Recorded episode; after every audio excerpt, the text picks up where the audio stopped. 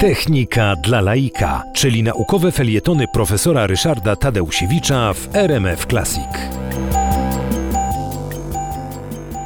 Dodatnie sprzężenie zwrotne, o którym mówiłem w kontekście e, mrożenia się królików, no i lisów, które polują na te króliki, niestety e, odbywa się czasami także w naszym ciele, w naszym organizmie. Mianowicie to sprzężenie zwrotne dodatnie pojawia się w postaci raka, nowotworu.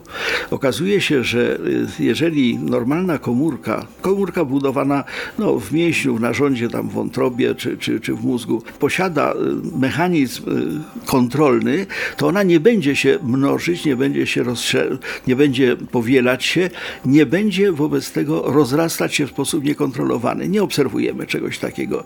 Dzieje się to za sprawą takiego białka, które się nazywa P53 i jest y, kodowane w genie TP53 w chromosomie 17 człowieka. Ale zdarza się niestety, że ten chromosom, a właściwie no, to białko produkowane w tym przypadku zawodzi. I w takim wypadku, y, jeżeli komórka zacznie się dzielić, zacznie powielać się, to tak jak te króliki zaczyna narastać. I niestety to jest e, w tym momencie zjawisko nowotworu. Niestety rak jest wobec tego przykładem też sprzężenia zwrotnego, dodatniego sprzężenia zwrotnego. I wobec tego walcząc z rakiem, próbując no, wyeliminować go albo, albo ograniczyć jego, jego działanie, musimy uwzględniać to, że jest to system ze sprzężeniem zwrotnym dodatnim.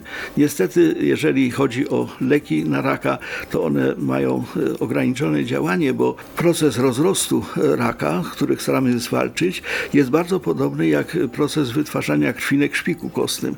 Wobec tego, walcząc z rakiem, możemy niestety ten system krwiotwórczy rozregulować. Ale na szczęście medycyna robi w tym zakresie ogromne postępy, między innymi dlatego, że wiemy, że jest to sprzężenie zwrotne. Dodatnie. him.